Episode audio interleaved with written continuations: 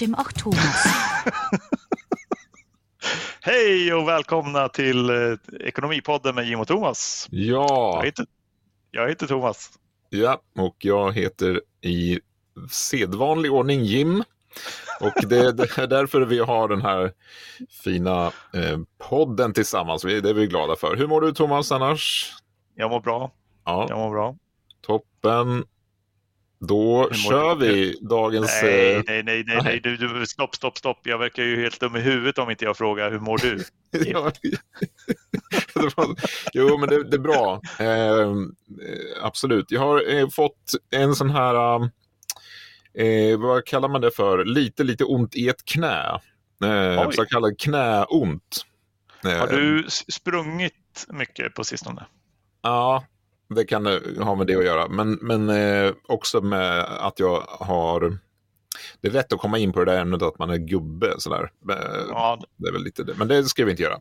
Då jag är yngre än dig så kan jag bara hålla med. Ja, just det. Mm. Bra.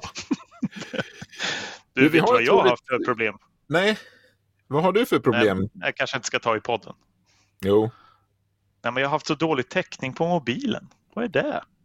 Liksom, jag har bra täckning och så, så Ja, jag vet. Det är ju inte rätt forum för det. Men, men ibland så har jag bra täckning och ibland mm. så har jag dålig täckning. På samma ställe. Jag, jag står ju här nästan jämt där jag står. Mm.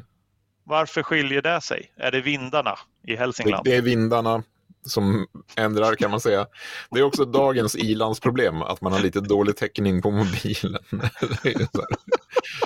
ja. Ja, jo, men det kan ja. blåsa lite olika håll så att det vet man ju hur det där är. Eh, ja. förstås. Men du, hade vi ett skämt? Eh, ska jag dra ett skämt till i början? Eh, här, ja, vi, vi, sa ju det. Ja, vi sa ju det, precis. Då är skämtet följande. Var sover Lejonkungen?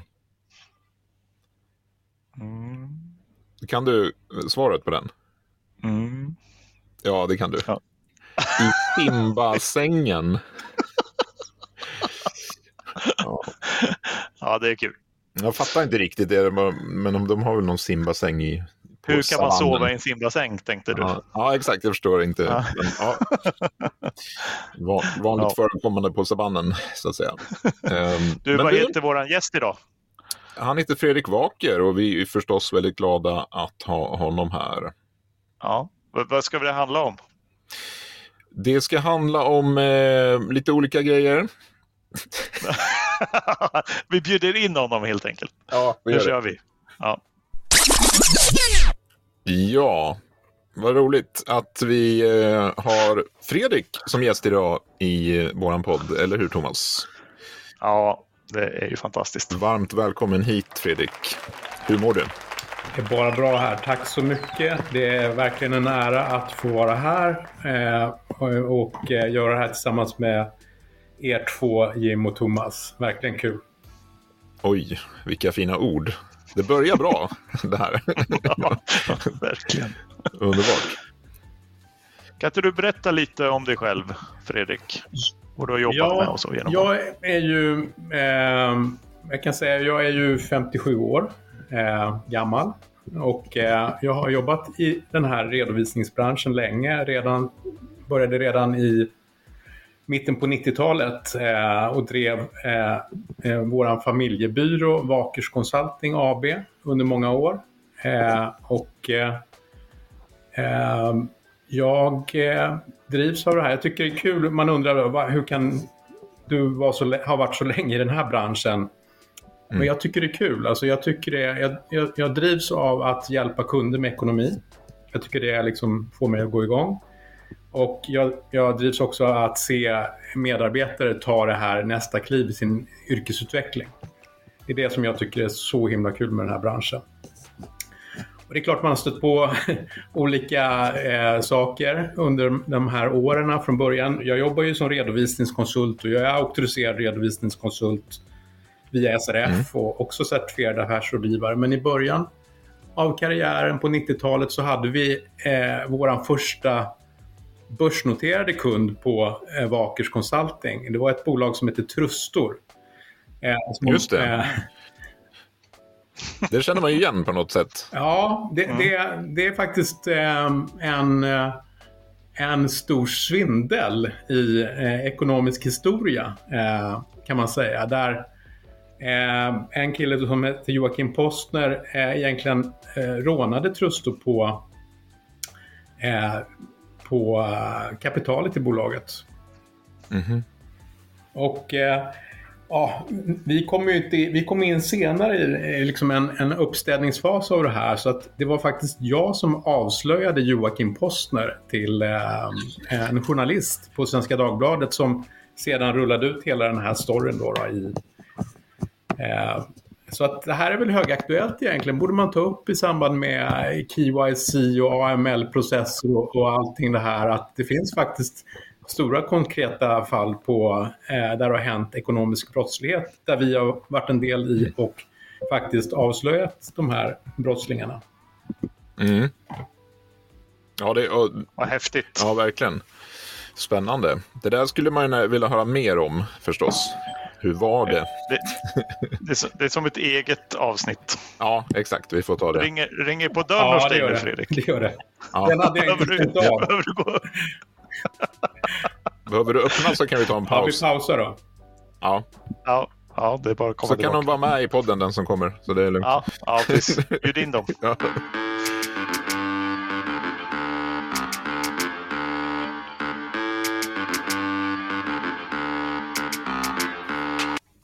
Ja, eh, var otroligt eh, spännande det där.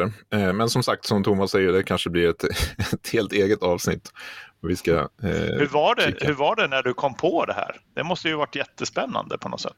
Alltså det var, eh, ja, det var väldigt spännande. Det var, jag såg eh, hans namn på en reseräkning. Han, han hörde inte hemma på det här bolaget. Då, så jag såg hans namn på en reseräkning när jag bo, satt och ja, bokförde. Då, och det ringde någon klocka kring det där namnet så jag kollade upp det här namnet och fick då input att där är, om du, han ska du inte ha att göra med. Så att där någonstans eh, förstod jag att det här var fel och det var väl liksom mm. en situation där som var lite osäker och då kunde jag rulla ut det här till den här journalisten. Men det kändes ju väldigt, eh, lite läskigt nästan för att eh, det var mycket pengar det handlade om. Eh, det var alltså ja. flera hundra miljoner på, på 1997 så mm. det var mycket pengar då. Ja, det, det verkligen. Mm. Men eh, det är inte det, är inte det vi ska prata om. Just det. Även om, om man väldigt gärna vill höra. Eh, så... det, finns, jag kan, det finns ju en bok om det här. Ja. Så att, ja. Den kan man ju faktiskt läsa. Den är jättespännande. Det finns ju en ja. film också, men där... där eh, jag tycker boken är bättre. Mm, är det någon som agerar som Fredrik Waker i filmen undrar man? Nej. nej. Dåligt. Nej. Det är därför man inte gillar den, men du nämns i boken förstår jag. Ja. Men det är, väl alltid, det är väl alltid så Fredrik att boken är oftast bättre än filmen. Bättre ja, än filmen. Ja, visst. visst. Då är det credit. Um... Det vi ska prata om med dig är ju två saker. Vi ska prata om hur ska man tänka när man vill eh, sälja sitt företag eller när man ska köpa sitt företag och hur kan man förbereda sig? Och hur vi på Tallon tänker eh, när, man ska när vi förvärvar redovisningsbyråer. Så, som du jobbar med. Så det eh, ser vi mycket fram emot. Så eh, det är ju ämnena. Precis. Det låter intressant. Mm. Ja, och jag tänker den första delen där när det gäller en ja, affärsöverlåtelse av sitt bolag. Um, vad skulle du säga, finns det för förberedelser som man bör göra uh, innan man uh, sätter sig in i den, den situationen då? Så min erfarenhet är ju mer uh, utifrån ägarledda bolag, alltså den, där ägaren äger och driver bolaget, så har man en personal anställd. Då. Så det, det här, det, mina råd gäller mer den typen av bolag. Mm. Och den absolut viktigaste frågan är ju att jobba med oberoende. Alltså att verksamheten inte ska vara så mycket beroende av dig som grundare och entreprenör. Eh, det är väl liksom nyckeln. För att eh, det ökar, det ökar värdet på bolaget om, om eh, om, om bolaget inte är beroende av grundaren och entreprenören och att man har byggt organisation och struktur och mm. fått ny, andra nyckel, nyckelpersoner i verksamheten än en själv. Eh, det är någonting som man det, det, bör man jobba på i vilket fall som helst för det är behagligare för dig som grundare och entreprenör också. Mm. Men den är extremt viktig i, när man väl hamnar i en, en överlåtelsesituation och ska sälja sitt bolag. Eh, och eh, eh, det, ju, det, tar ju sin tid att göra det också så att man, man bör börja väldigt tidigt med det. Just det. Men visst är det väl så att många bolag, eller många ägare sitter med väldigt mycket saker i huvudet. Och de vet hur, hur allting funkar och man sköter det och, och så. Och det, det, är väl det som du menar då att det, det vill man komma bort ifrån helt enkelt. Ja, ja. ja precis. Exakt, exakt. Bra. Jag och Jim satt precis på och gjorde en behovsanalys för ett företag här. Och det var precis det som var grejen, att, att de ville gå i pension men de visste inte hur det skulle gå till att driva företaget då. Eh, för att de, de var så insyltade i alla processer så att säga. Mm. Mm. Och det där ja, är, är ju, intressant. Ofta är det ju motstridigt då att det, det är om du rekryterar en person till i ledande befattning, kanske en person också som är bättre än dig själv kanske. Mm. Eh, och det där tar ju ofta, i alla fall, det är mer en investering. Alltså du bygger struktur, du bygger eh, organisation för framtiden. Och det är klart att det kostar lite pengar när man gör det och det tar av lönsamhet och utdelning. Men, men ändå så bör man ta det, det klivet då för att göra bolaget mer säljbart. Mm. Fint. Finns det någonting annat som eh, eh man bör tänka på eh, också tycker du har med sig? Eh, ja, men det finns ju mycket saker. Alltså, i, i, och det handlar också om att redan i ett tidigt stadium börja tänka liksom på att dokumentera hela verksamheten. Vad, affärsplaner, att man har struktur på det. Man, att, att man kanske har affärsplaner för första och sen att, hur man följer upp och hur, hur hur man styr sin verksamhet, hur sätts strategier, ska man involvera en extern styrelse i, i bolaget eller någon form av styrelsearbete kanske man bör ha liksom för att också hjälpa till och hitta flera punkter i företagets utveckling än bara sig själv. Då, då. Mm. Bra. Tack så mycket. Eh... Det här med att, hur viktigt är det alltså med, med lönsamhet i bolaget. Så hur mycket alltså, tittar man på det när man köper? Ja, men det är ju, lönsamhet är ju såklart viktig värderingsmässigt och det finns ju då eh, kanske säga, två olika typer av lönsamhet. Dels den som man ser på, på pappret, som man säger. Men sen kan det finnas en underliggande lönsamhet i sin verksamhet. Till exempel om man har gjort stora rekryteringar av nyckelpersoner under ett år så, så påverkar ju det eh, resultatet kortsiktigt.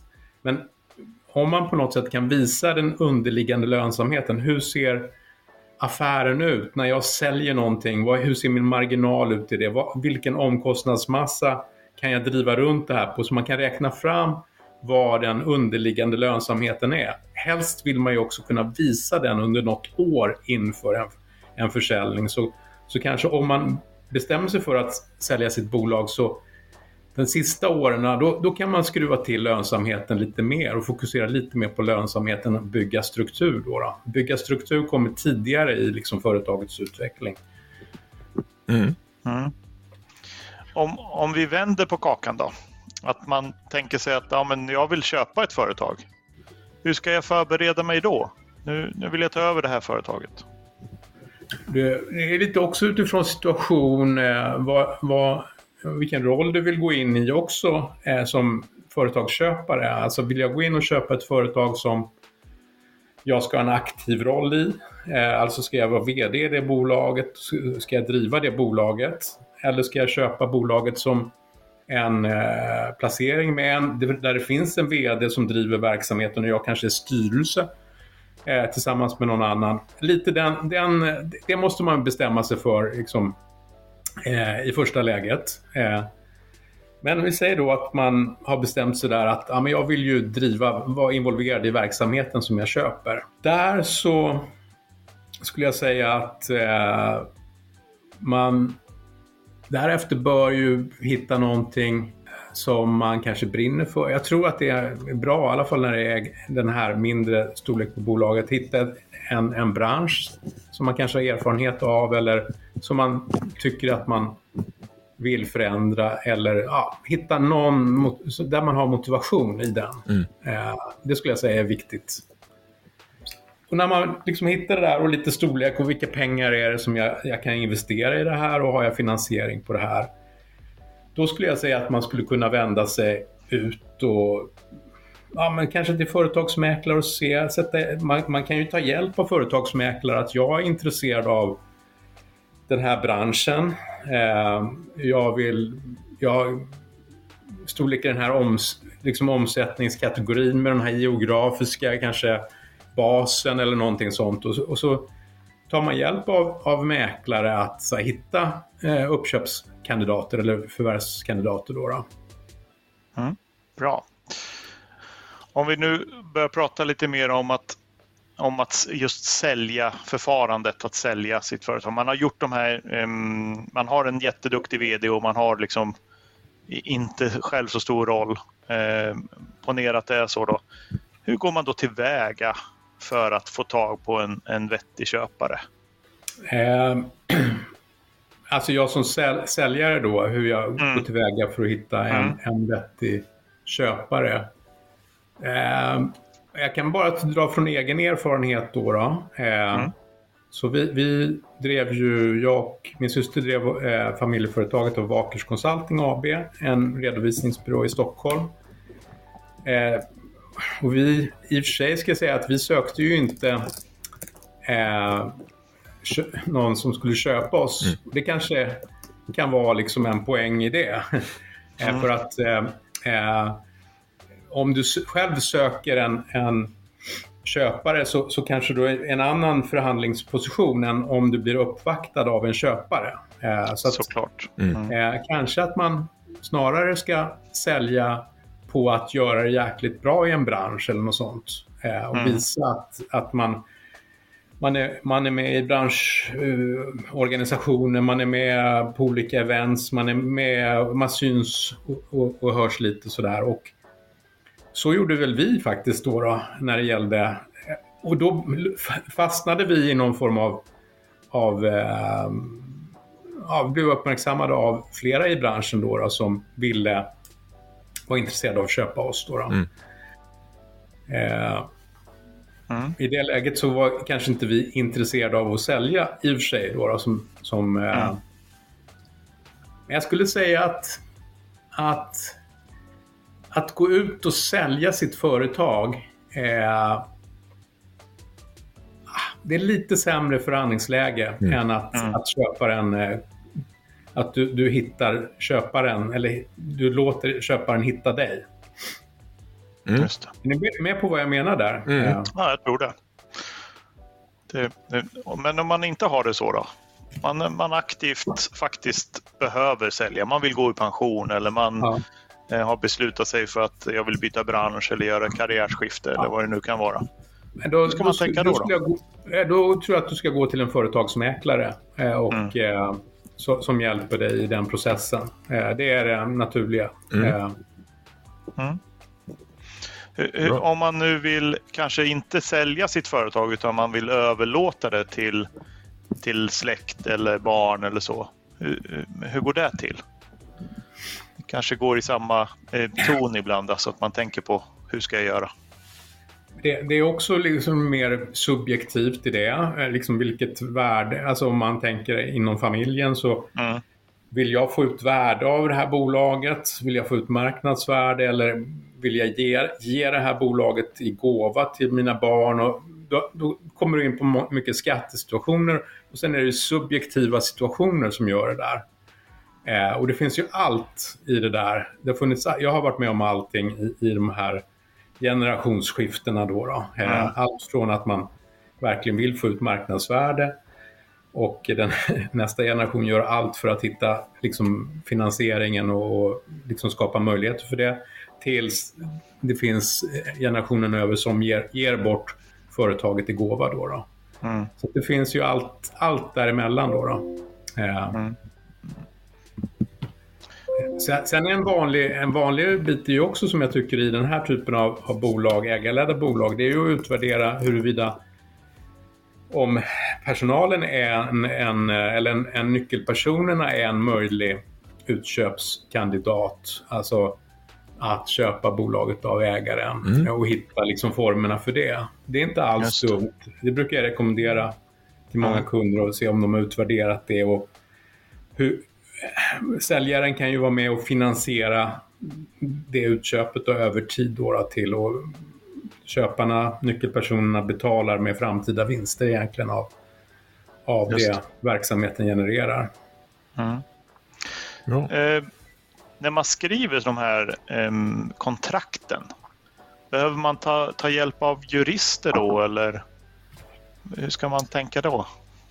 Alltså, vi säger att du säljer via mäklare så, så hjälper mäklarna till mycket i eh, den mm. här och de har jurister kopplade till sig så att eh, det, där, där, finns det hjälp att tillgå. Eh, mm. och man bör ha, om man inte har någon mäklare så bör man ta in jurist liksom, i den här typen av transaktioner. Mm.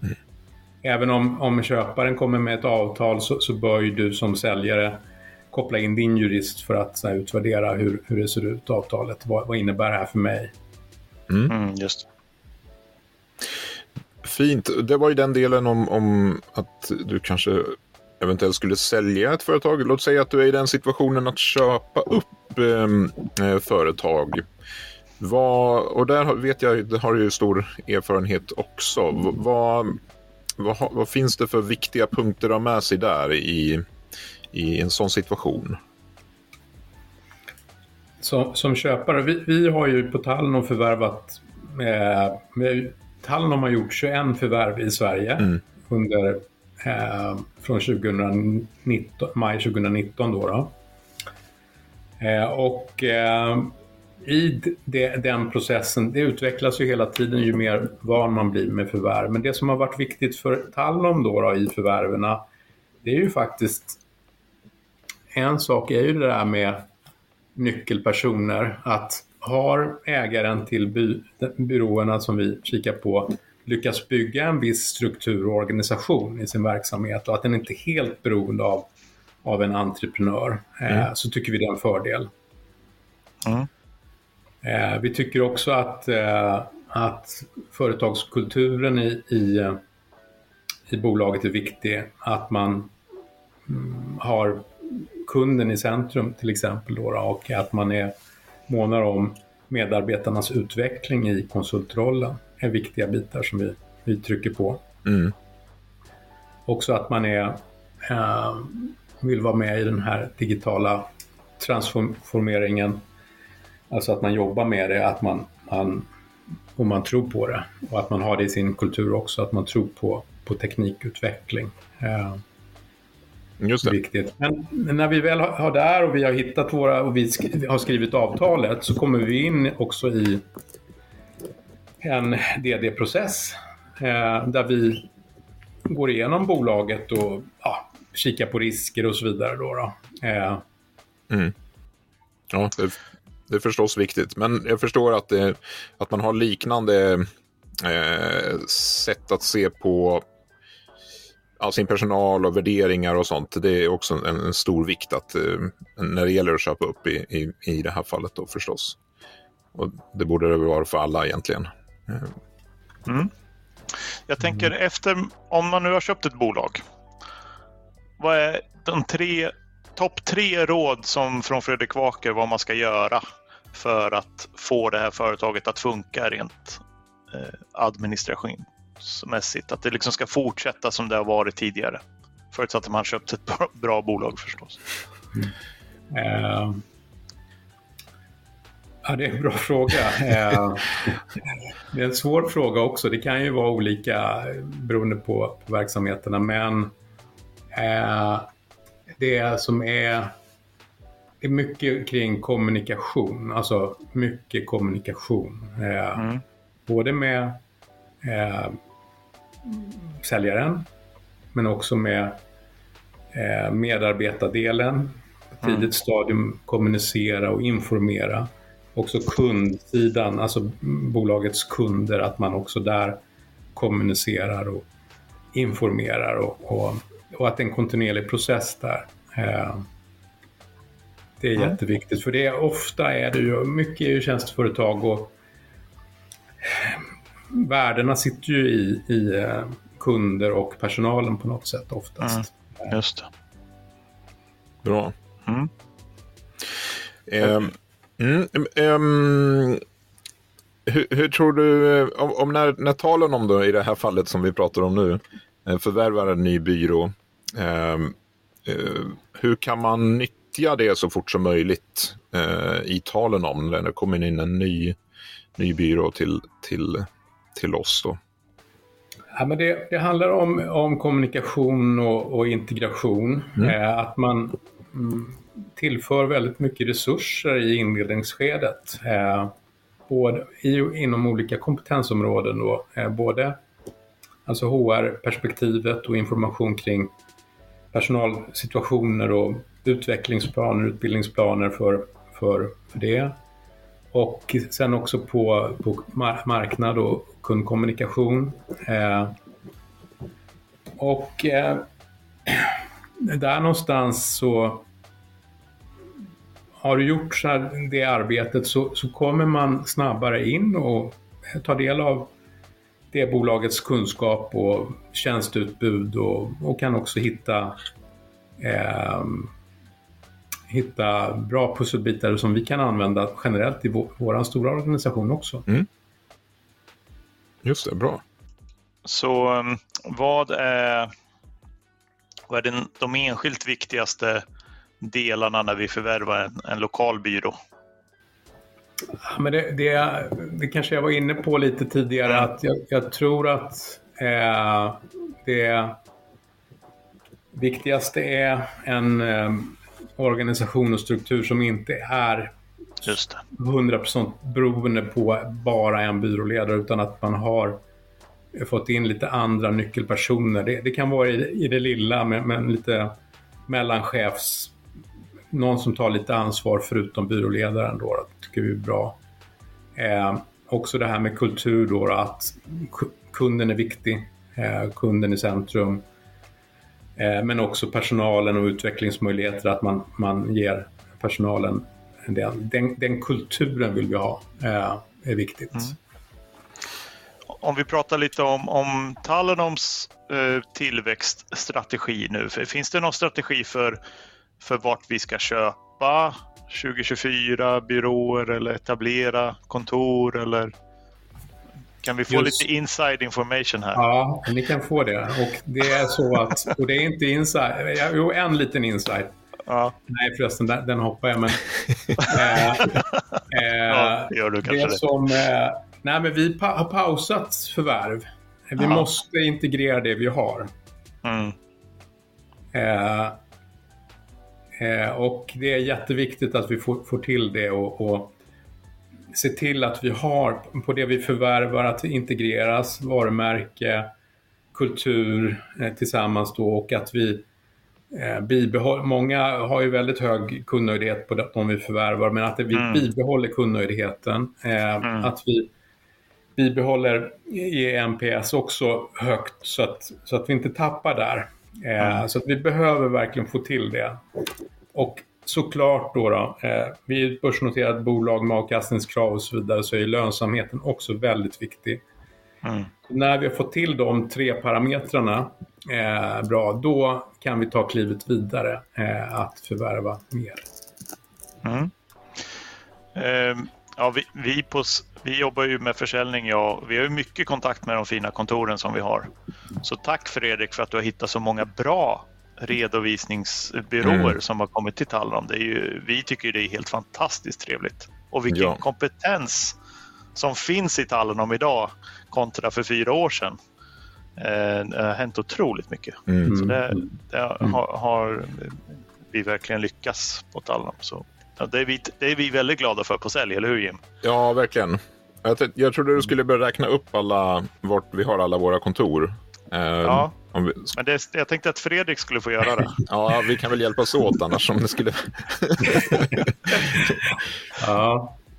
ja, men vi har ju som sagt vi har gjort 21 eh, förvärv eh, med början i, eh, i maj 2019. Mm. Och eh, det är ju...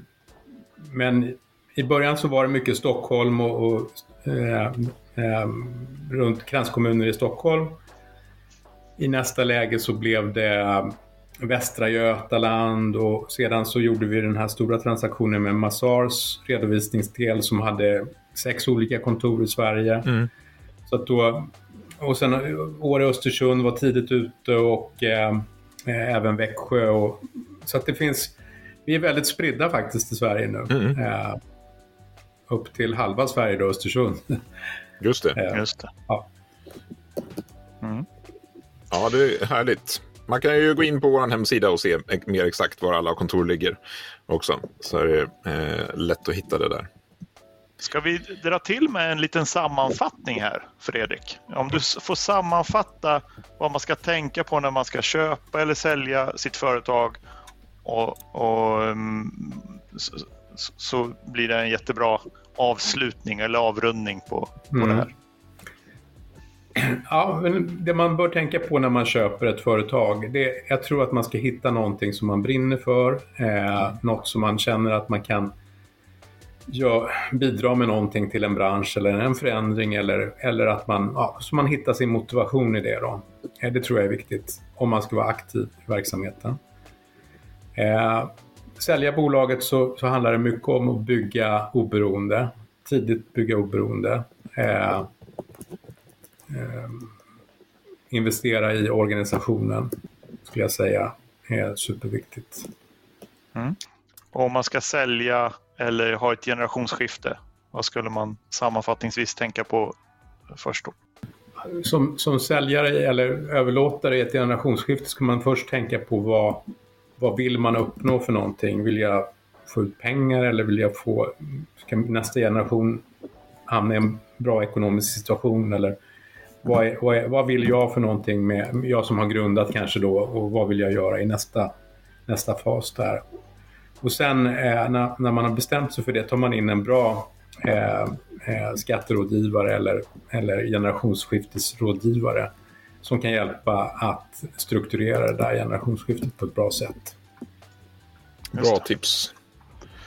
Toppen. Tack så jättemycket Fredrik för att du ville gästa podden. Mm. Tack själva. Det var väldigt spännande. Väldigt kul. Utfrågad här. Som mm. bada i ett hav av kunskap. Så mm. känner man ju. Precis. Mm. Fredrik, har du ett, eh, ett redovisningskonsultsskämt som du vill bjuda på eller? Du vet ju, det är ni på sälj som är duktiga på de där, så jag tänker jag bollar över det där till ja, vi, Thomas. Vi får ta det. Thomas, du har ju alltid något bra. Ja, men, men, men den här då? Ni vet väl att det sägs att redovisningskonsulter är de enda människorna som kan räkna till noll och ändå får det att låta som en imponerande bedrift. ja. Litet ja, artigt, artigt skratt från dig Fredrik i alla fall. Det var ja. trevligt. ja, det är bra. Ja. Jag tror jag har fått det från dig Fredrik. Så ja. Mm. Jag skyller på dig om det, det var tråkigt. Ja, men ta men hand om dig. Tack så jättemycket. Ja, mm. detsamma. Tack så jättemycket. Bra. Topp.